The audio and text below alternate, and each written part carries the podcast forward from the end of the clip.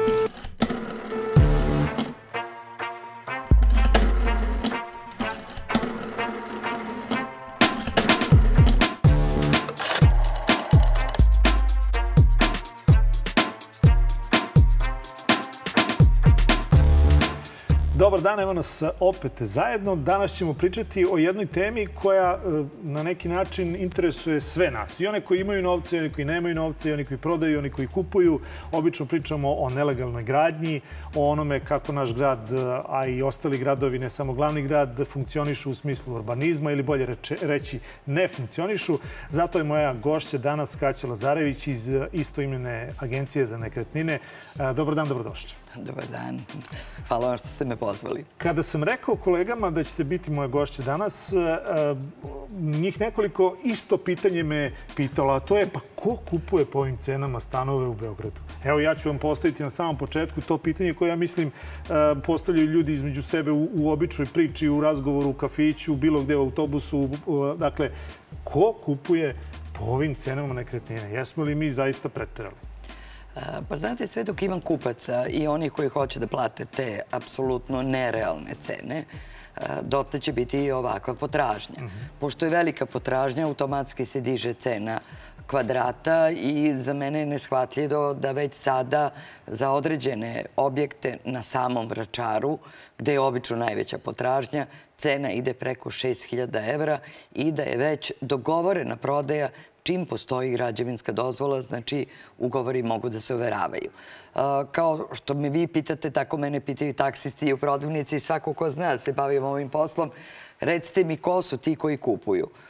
Pa to su obični ljudi, ali bogati ljudi. Znate, nekad se znalo ko je bogat čovek, kako je moja baka govorila, on je bio obučen kao gospodin, znalo se gde stanuje, kakvu kuću ima i od čega živi. Sada bogate ljude ne možete tako lako da prepoznate i uvek se iznenadite kad neko dođe da kupi stan, a vi mislite da nema ni za karsonjeru, a on kaže ja sam zainteresovan da kupim bar dva stana onda vam je jasno da postoji jedan procenat u našoj državi, mali, ali dovoljan, da ljudi mogu da kupe ne jedan, nego deset stanova. I događa se da u novim zgradama bude uh, kupac za dva, tri pa i četiri stana ista osoba ili ista firma. To ranije nije bio slučaj. Ali to je posledica same korone. Korona je donela mnogo, to, mnogo toga novog, što nije bio slučaj ranije. Znači, mi smo zatvaranjem sa znanjem da postoji pandemija i da ne možete nigde da izađete, a da ljudi imaju viška kapitala, da ne mogu da ga tako lako plasiraju u inostranstvo kao to ranije bio slučaj, oni su onda odlučili da ulažu ovde u našoj zemlji taj novac. Počeli su da kupuju lokacije, počeli su da zidaju, da kupuju stanove. To je sad malo tržište za tako veliki broj bogatih ljudi. I taj vel, mali procenat bogatih ljudi sad polako ulaže i van Beograda. Vi sad imate čitava naselja, luksuzna Avala, Kosma i Grocka, da ne govorim o Novom Sadu i okolini. Sad se to nekako koncentrisalo na četiri velika grada, ali polako se diže i sve ostalo. Kaća, kad kažete uh, mali procenat, možemo li tu statistiku malo da približimo? Dakle, koliko je to uh, procentualno u odnosu na broj stanovnika? Dakle, kad kažete mali procenat, ali očigledno je tolika potražnja, pa da li je moguće da, da mi imamo tako bogate ljude? Pa Ili su to ljudi koji su uh, odavde, ljudi koji su otišli u inostranstvo, pa sad taj zarađen novac u inostranstvu žele da na neki način, način vrate i ulože u Srbiju? Postoji i takav profil kupaca. Svedoci smo da je ova korona doprinila da se mnogi naši imućni ljudi polako vraćaju u Srbiju. Jedan od tih zemalja je Australija. Imamo jako puno klijenata iz Kanade. Ljudi koji su došli u fazu da su dobili dobru penziju, tamo zaradili novac, neće više tamo da ostanu, ostala su im deca. Oni dolaze i ovde kupuju luksuzne nekretnine. Ali ipak najveći broj tih bogatih klijenata je ovde. Oni žive i rade i to su relativno mladi ljudi ali i ovde postoji mogućnost da zaradite legalan novac. I taj novac kojim oni kupuju, taj novac se nalazi na računima ili njihovim ili firme. Vrlo često se zlupotrebljava priča oko to je pranje para. Pranje para podrazumeva nešto drugo. Drugo, zakonski propisi su vrlo rigorozni kada je u pitanju mogućnost pranja para. Mi smo obavezi kao agencija da vodimo posebnu evidenciju i za ljude koji kupuju i za ljude koji prodaju. Moramo da evidentiramo čak i kad se izvrši kupo-prodaj, mada novac uopšte ne ide preko našeg računa. Takve podatke proverava i banka. Takođe i notar, odnosno javni beležnik, vi kod njega popunjavate određene obazce vezane za sprečavanje pranja novca, da li je taj funkcioner ili nije. Znate, ako neko hoće to da uradi na nelegalan način, on će sigurno raditi i naći prostor za to ali ovde je sve legalno. Znači, pare postoje i treba ih utrošiti. Pomenu ste koronu. E, bilo je naslova gde je, recimo, sećam se jednog naslova, korona smanjila cene stanova u Beogradu za, za 20%. A onda, e, nakon samo mesec ili dva dana, korona povećala cene stanova, čak sam pročitao za 30%. Dakle, šta je realno? Šta je Bilo korona je... uradila što se toga tiče? Korona je u početku, kada je sve zatvorila, mm -hmm. onda su ljudi pokušavali da prodaju višak stanova, zato što je bilo masovno otkazivanje kod ljudi koji su imali višak stanova, imali su zakupce. Ne znam da li se vi toga sećate, ali ljudi nisu mogli u kancelarije.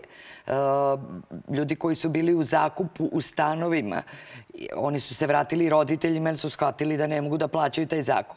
Jedan se pojavio višak stanova i poslovnih prostora i automatski to oborilo cenu, ali to je jako kratko trajalo. Onda je u septembru mesecu to krenulo da se polako podiže i još uvek se podiže.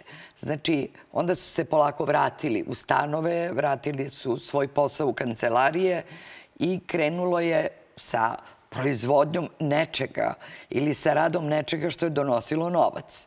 Mislim, moje nije da pričam u koju sferu treba ulaziti i ulagati poslove, ali još uvijek tih poslova ima. Korona je mnogima donela ogromnu zaradu. Da ne pričamo o maskama, o dezinfekcionim sredstvima, svemu drugom. Znači, korona je sve promenila. Nama na tržištu nekretnine je donela naravno blagodet, jer mi smo sada u situaciji da imamo takvu ponudu kakvu nikad nismo imali i imamo jako puno kupaca, a nemamo dovoljno stanova. I neverovatno je da u jednom danu mene pozove deset ljudi da kupi stan, a da mogu da im pronađem jedan stan. Ali kako je to moguće? Evo sad vi uzmete da niste bili u Beogradu jedno deset godina i da se provozate određenim delovima grada. Svako ko ovde nije bio pa ne i deset, možda i pet godina, će reći otkud ovolike zgrade, otkud ovoliki stanovi i kako onda kada taj podatak stavite u ravan sa ovim gde vi kažete da, da nemate dovoljno ponude, kako je to moguće? Pa moguće je zato što mi još uvek nismo dostigli nivo izgradnje stanova kao što je nekad bio blok 45, 70 i Novi Beograd.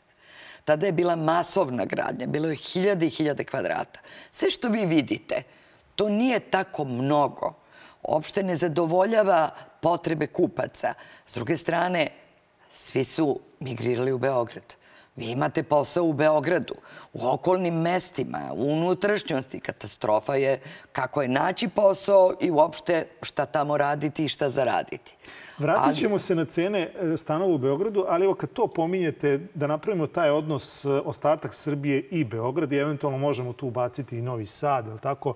I Kragujevac, Niš. Niš. Kragujevac, da. da. Ali eto, sem ta četiri grada, da li to znači da nama pusti ostatak Srbije i da se ta migracija dešava upravo u ova četiri velika grada i da ćemo u nekom periodu doći do situacije, a kad imamo i podatak da se broj stanovnika ukupno u Srbiji smanjuje i da svake godine odlaze na desetine hiljada ljudi iz, iz Srbije. Ja mislim da se manji broj vraća u Srbiju, ovo što ste vi pomenuli iz Kanade i Australije. Možda tu dolaze ljudi u penziju da bi doživjeli e, duboku starost. E, ali kada to sve uzmemo u obzir, dakle, šta, nas, šta je ono što nas očekuje?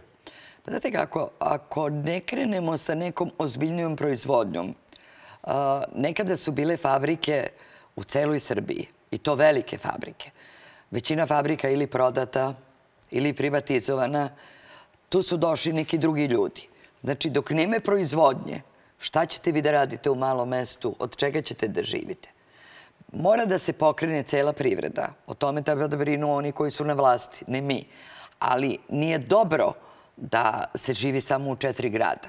Mnogo bi bilo bolje da postoji mogućnost da vi dobro živite i u nekom manjem mestu. Pa evo, ova korona je doprinala da su se banje pokrenule.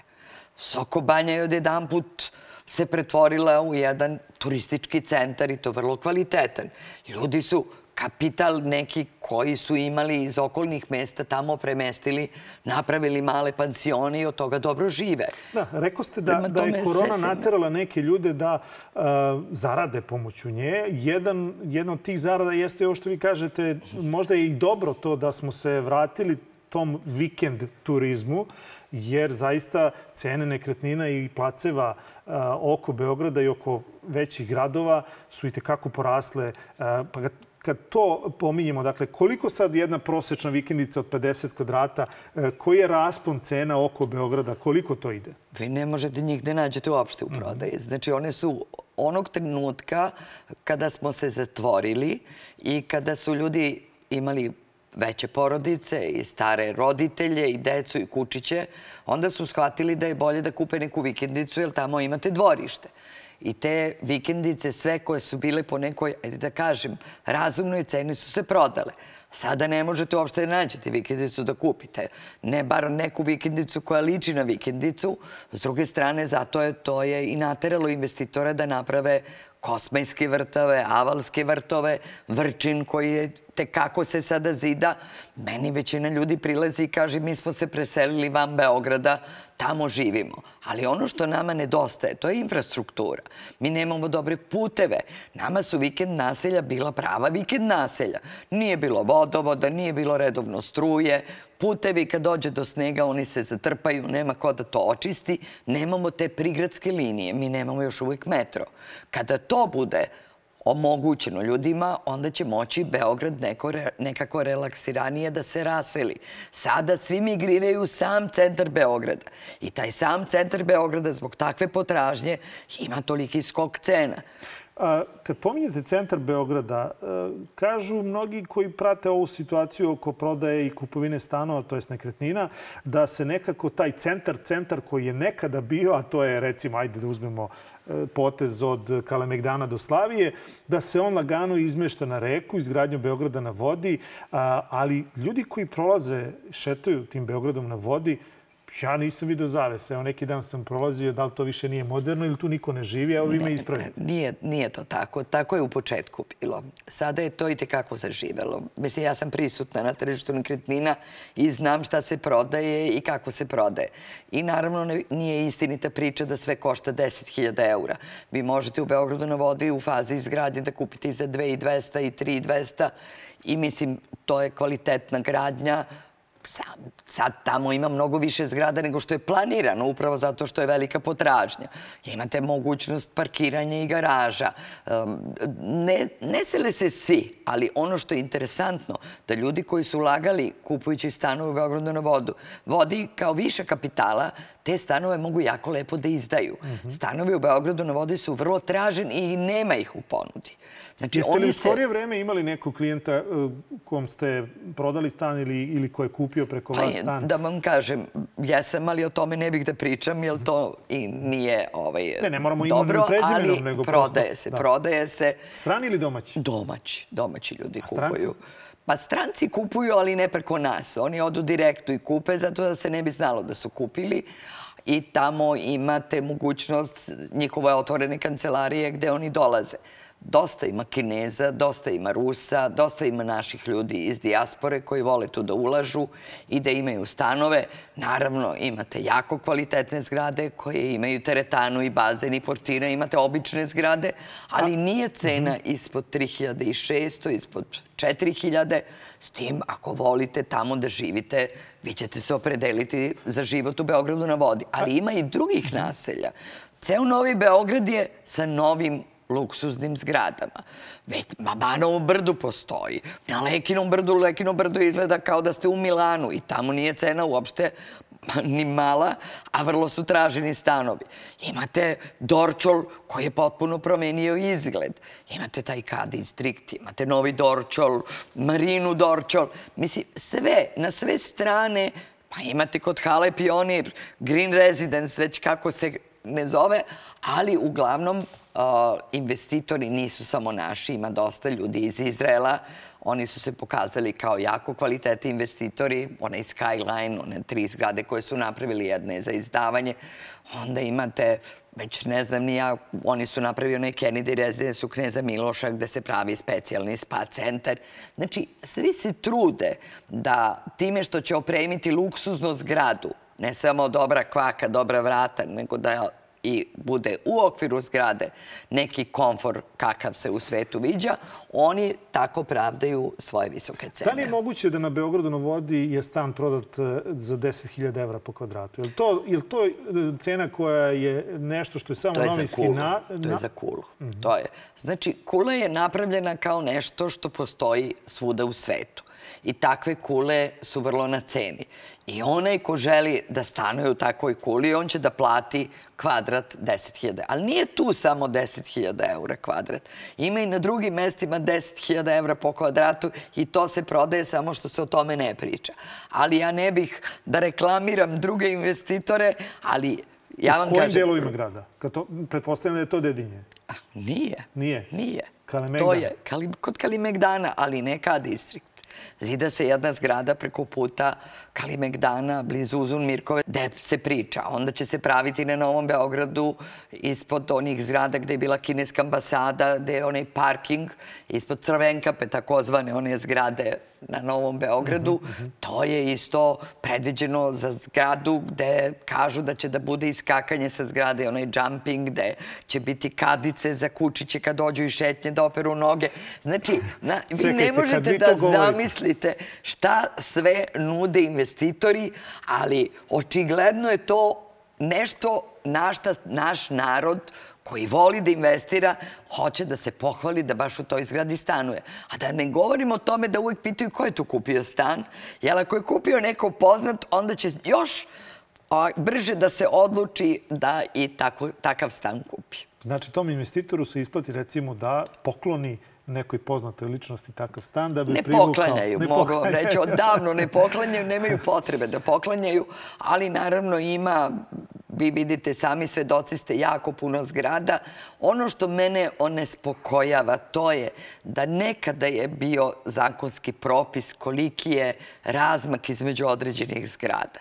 Znate, sad se prave zgrada do zgrade, iskoristi se svaki pedalj namerno da bi se zaradilo, a ne vodi se računa o tome da vi kad stanete na vašu terasu vidite komšiju To nije humano možete... stanovanje nikako, nikako. Ali vratit ćemo se posle na taj kvalitet gradnje. To je posebno pitanje koje hoću da, da, vas, da vam uputim. Ali samo da, da ne zaboravim uh, jednu stvar. Kad pomenuste te kupce, recimo eto te kule, u Beogradu na vodi 10.000 evra kvadrat i tome slično. Koja je struktura tih kupaca? Jesu li to porodice, stranci, porodični ljudi ili su to većinom biznismeni koji su odlučili da višak svog ljudi novca ulože u Beograd? Ljudi koji imaju ovaj, novce i žele tu da kupe, ima ljudi koji hoće tu da žive. Mi ne znamo koliko će njih živeti u stanu. Mhm. Ima puno bogatih ljudi koji kupe i stan u Beogradu na vodi, pa onda ode i do Kule pa kupi u Kuli. Imate i Vest 65, takođe Kulu. Prema tome, kažem vam, nije to jedina Kula, ali ja znam klijenta koji je kupio u jednoj od visokih zgrada u Beogradu i rekao je da se pokajao. Ja sam pitala zbog čega, jer nije kvalitet. Kaže, ne, ja živim sve vreme u oblaku. Znači, nemam nikakav pogled. U oblaku smoga, pretpostavljam. Upravo Zagađenja, tako. Ne upravo u oblaku tako. ono što se zove ne, virusi i stratusi. Nego tako, jeste. Da. Eto. E sad, uh, ima li delova Beograda gde su cene pale? Je li to moguće naći? Pa da vam kažem, za sada nema. Ima samo nama onako dolaze informacije da za neki deo Beograda za koji nikad ne bi rekli da može polako da se podigne i da ode cena u nebo, vi saznate da su oni napravili neku jako lepu zgradu i prođete i kad vidite, mislim, u odnosu na okolinu ono to smešno deluje. Znate, imate uđerice, to deluje baš kao kranja periferija, a onda investitor napravi zgradu kao da je u Parizu. I naravno da ti dođu ljudi pa tu kupe i po toj ceni. Više uh, lokacija kao što je nekad bilo kad vi kažete šta određuje cenu, uvijek je bilo lokacija, lokacija, sad nije to. Sada apsolutno ne zavisi od lokacije, nego zavisi od toga da li je zgrada lepa, da li je neko poznat u njoj, da li je ta zgrada sada eto tako nešto što je hit u ovom trenutku.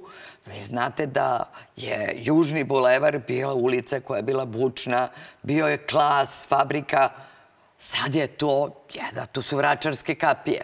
Sad tu ne možete da nađete stan po nekoj normalnoj ceni uopšte, znači nema u ponudi, a to je potpuno promenilo dimenziju tog kraja.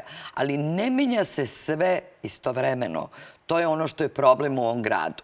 Nama stoji luksuzna zgrada, a dole stoje uđerice koje ne mogu da se sruše jer imovinsko-pravni odnosi nisu rešeni. Mm -hmm. Mi nemamo planski urađen grad i to mene brine.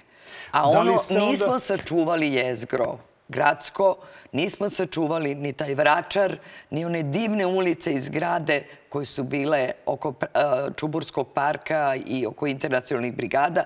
Sve, gde god postoji neka kuća, to nagovori ljude da sruše, odnosno dobro im plate i vi onda umesto luksuzne kuće gde su bila dva automobila dobijete zgradu sa 20 stanova i sa 50 automobila i mi ćemo uskoro se ugušimo. Da li vi meni onda govorite da je ovde na snazi investitorski urbanizam kom se ne vidi kraja?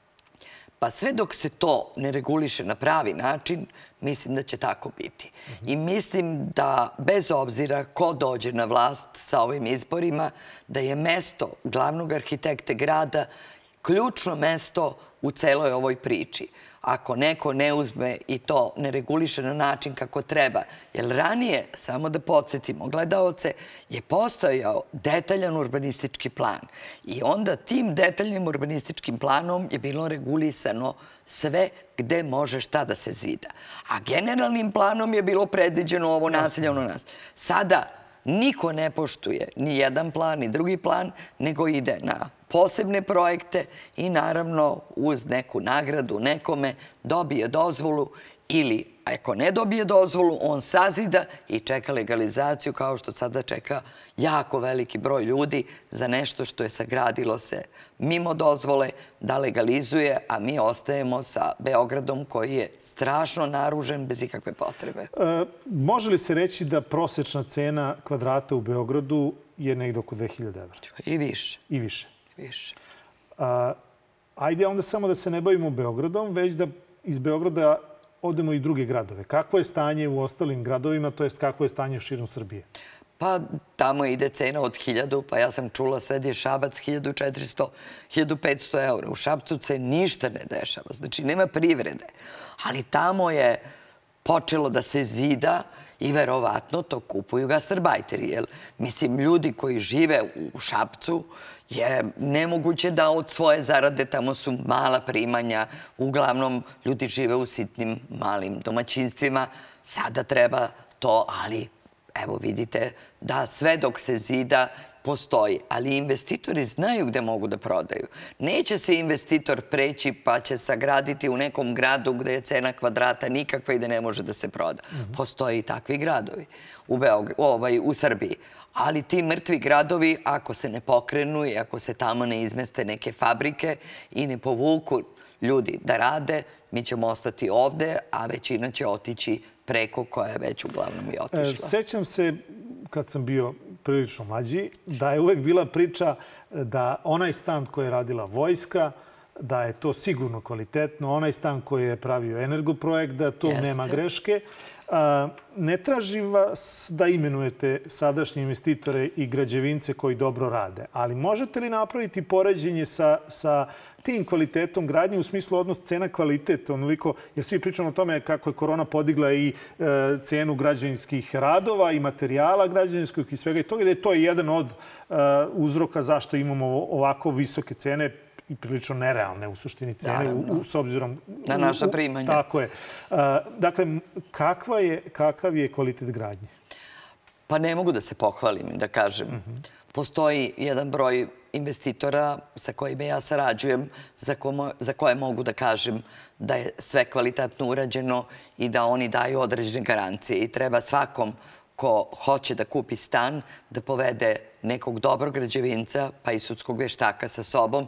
Jer vi kad kupujete auto, vi vodite kuma, vodite automehaničara da vidi, jasno, jeste, da. da vam kaže da li to što kupujete vredi, ali ljudi koji kupuju stan. Tako, oni gledaju da izbjegnu agenciju, i to licencirane agencije, da bi uštedili na proviziji. Onda nađu komšiju koji mu kaže ja ću to da te vodim, da vidiš da bi on učario neke site pare, a on gleda samo stan, on ne gleda ništa drugo. Njega ne interesuje ni da li su odvodi za ventilaciju kvalitetni, to najčešće bude problem u novim zgradama, pa svi onaj kuva dole, a u novoj zgradi, a vi na četvrtom osjećate miris. Na odvodi na terasi, kad pada kiša, vam se terasa zapuši od vode zato što ne gledaju u visinu plafona, nego uđe kaže ja divan stan. Da li su pregradni zidovi kvalitetni, da li je uh, zvučna izolacija dobra, uh, da li se slučajno spavaća soba naslanja na kućicu lifta, pa kad vi uđete, bit ćete onda. Da li je tuš kabine napravljena tako da možete da uđete? A da ne govorimo o tome da ljudi koji kupe stan nikad ne uđu u garažu, a kupe je. Pa kad se usele, onda shvate da ne mogu uopšte da se parkiraju. Uh, vi ste diplomirani pravnik. Jesam. 30 godina ste u ovoj priči, malo više. Ste, malo više, dobro. Ali e, možda i više od pola ove priče o kojoj mi danas pričamo je ta priča oko papira. Jeste. A, to je teško savjetovati, ali prosto je, da li se tu situacija bar malo popravi? Ne, situacija je sad Još mnogo gora. gora. Pre svega zbog katastra. Ja mislim da oni u katastru kad mene ugledaju na ekranu, da oni gase televizore, zato što ja smatram da su oni jedan kočničar. kočničar i jedna rak rana ovog celog sistema. Jer oni imaju hiljade i hiljade nerešenih uh, ovih predmeta.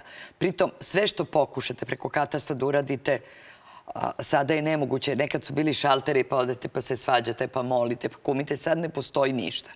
A, jako je teško ući u papirologiju ako ona ima bilo kakav problem. Znači, evo, ja ću da kažem, najsvežiji problem, moj je prijatelj došao sada da proda stan ovde. Stan je baš za prodaju odličan, ima dobru cenu, ali on je izgubio dokumentaciju. Dogodilo se to sa ljudima.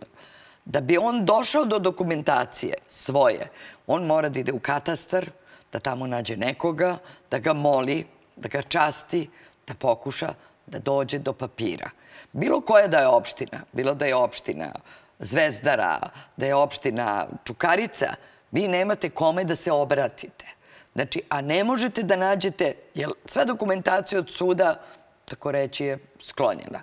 Da odete u bilo koji sud, podnesete zahtev, neko izvuče, to će da traje.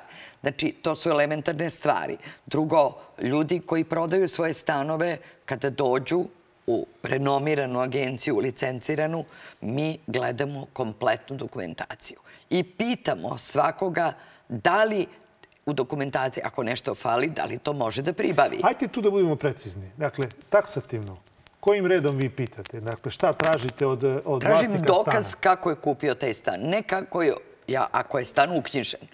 Na osnovu kog papira je uknjižen. On to mora da ima u originalu da bi mogao ugovor da se overi. Pitamo kada je stekao taj stan, da li je bio u braku. Svi se trgnu na to pitanje. Međutim, naš poslanik Martinović je to uveo pre par godina, jer mora da se daje saglasnost i kad se kupuje i kad se prodaje bračnog druga. Znači, ako ste vi bili u braku i vi taj stan prodajete, umeđu vremenu ste se razveli, ali ste ga stekli u vreme braka, taj vaš bračni partner mora da dođe da da saglasnost za prodaju stana. Niko se iz ljubavi ne razvodi, pa je uglavnom to strašan problem. Ali ako on ne da saglasnosti, ne možete da prodate stan. Onda, kad kupujete stan, mi uvek pitamo, pošto po automatizmu to ide i na muža i na ženu. Onda, ako je to vaš novac, onda vi kažete ne, to je moja posebna imovina. Onda morate takvu izjavu da overite. Znači, ništa nije jednostavno. I naravno, za ljude koji dolaze iz inostranstva, koji sve to rade, bilo da kupuju, bilo da prodaju, moraju da imaju specijalne punomoće. Ne može biti obično punomoće. Punomoće mora biti široko da može onaj ko kupuje da vi umesto za njegove potrebe overite založnu izjavu. Onda banke određene punomoće ne prihvataju. Onda mora s tim punomoćem da ide u banku, da banka uskladi punomoće sa njenim propisima. A onda i da proveri, a treba im obično sedam dana, da li s takvim punomoćem, i ako u njemu piše, može taj da raspolaže vašim novcem. A da ne govorimo o tome kad Gde neko proda... svega ovoga što vi pričate. A da ne govorimo o tome kad neko hoće da proda i da izvrši transfer novca u inostranstvo. Legalno? Teško. Zato što mora da ima dokaz da onaj ko je kupio vaš stan, da je platio porez za prenos apsolutnih prava, a sad po poreskim upravama su svi bolesni od korone. Već 3, 4, 5 meseci mi molimo da urade rešenje o porezu, da je plaćen porez na imovinu i da je plaćen porez na kapitalnu dobit ili da je oslobođen. Kada je u pitanju kapitalna dobit, to zbogom pameti čeka se 4, 5, pa i 6 meseci. A vi dotle čekate sa novcem i ne možete da ga Znači, ako počnete. sam vas dobro razumeo, vi paralelno dok ovo treba paralelno raditi dok zgrada još niče, vi završavate Mi, papirologiju. znate Da kako, došli mi imamo, mi imamo svaki dan priču za Riplija. Svaki dan dođe neko s takvim problemom sa kojim vi ne možete da zamislite da mi možemo da se suočimo, a onda dođu moji klijenti pa kažu vi to jedini možete da rešite. Ja kažem, ali ja nisam sve moguće. I onda, uprkos tome, cena nekretnine je ovakva kakva Pa, jeste. znate kako, sad ovo kad pričamo o papirima, to se uglavnom odnosi na stanove koji su ranije sagrađeni. E, Za novogradnju nije problem jer mora da ima građevinsku dozvolu. I to celu dokumentaciju ima javni beležnik i on proverava jer on garantuje svojom imovinom. Ali kada su u pitanju stanovi koji su ranije sagrađeni, oni moraju da imaju ovo o čemu ja pričam i mora sve to da se isproverava. Strašan je problem kada vi dobijete stan koji je iz ostavine, pa imate 17 naslednika. Svih 17 naslednika mora da ima otvorene svoje devizne račune i svih 17 mora da dođe kod javnog beležnika da overi predugovor ili založnu izjavu ili ugovor. Ali mi se time nosimo i radimo i mislim da je posao agencije jedan odgovoran i vrlo kompleksan posao i da naša provizija za koju se svi kači i gledaju da je spuste mala u odnosu na to šta mi uradimo, a da su ljudi najčešće u situaciji da vam kažu pa šta, nije ovo ništa što ste uradili. Kad vas slušam, e, mogu evo ovako da zaključim, pa me vi ispravite, da cene nekretnina u 2022. godini neće pasti. Ne, sigurno nego ne. će rasti. Nego će ali biti, je da. sad sledeće pitanje, što ne verujem da ćete imati precizan odgovor, ali bar da, da damo neku nadu. Dakle, da li je recimo neka 2024. dobra godina za predikciju e, da će to doći u neku realnu ravan? Ili, ili ne može se ni to reći? Da vam kažem, to je pitanje, ja stalno kažem, od milion dolara. Ja kad bi tako nešto znala, ja bi da. strašne pare zaradila. A, ni svetski ekonomisti ne mogu da naslute, jer naša, a, naše tržište nekretnina u Srbiji je specifično. Ne možemo da se poredimo sa američkim tržištem nekretnina i njihovim balonom i njihovim hipotekama i bankama. Mi, kažem, ovde 85% se kupuje za keš. Znači, ne na kredit, nego sa računa. Znači da mi imamo para. Prema tome naše tržište je stabilno. Mi nemamo nikakav problem. Nama neće puknuti krediti, možda nekom, ali sve najave da će kamatne stope za kredite biti više, još uvek se ljudima isplati da podignu kredit, da kupe, jer ako nastaje ovakav rast, oni su zaradili na kupovini svog stana od momenta kad su postav, potpisali predugovor, pa sve do ugovora njihova cena je otišla bar 10%. E, šta se dešava sa kreditima, stambenim kreditima? Dakle, kakvo je, kakvo je tu stanje? Jer kažu da nikad povoljnije nije bilo. ali ljudi se ne odlučuju lako. Evo vidite, jako je mali procenat ljudi koji kupuju za kredite. To pretpostavlja kao i ovo učešće za ove kredite, za uslove za prvi kredit i za majke koje rađaju decu u ovoj godini. Znate, to pretpostavlja da imate siguran posao i sigurnu platu a to je danas vrlo teško ovaj, obezbediti. I zbog toga se ljudi ne odlučuju. Obično mladi parovi koji imaju dobre plate, i onda mogu sebi da priušte da kupe stan, ali pođite od toga da jedan stan od 50 kvadrata u Novogradnji nije ispod 150-160 hiljada eura, bez garaže. Zamislite koliko treba kredita neko da podigne i 20 godina da ga otplaćuje i da ima sigurnu platu.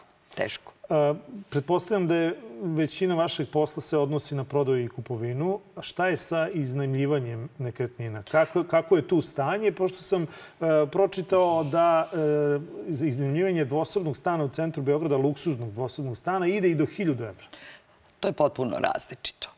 Imate i za 300, i za 500, i za 2500. Sve zavisi. Ima veliko je šarenilo i ono što je interesantno, to je da se stanovi koji su jeftiniji teže izdaju od stanova koji su 2-2,5 hiljade.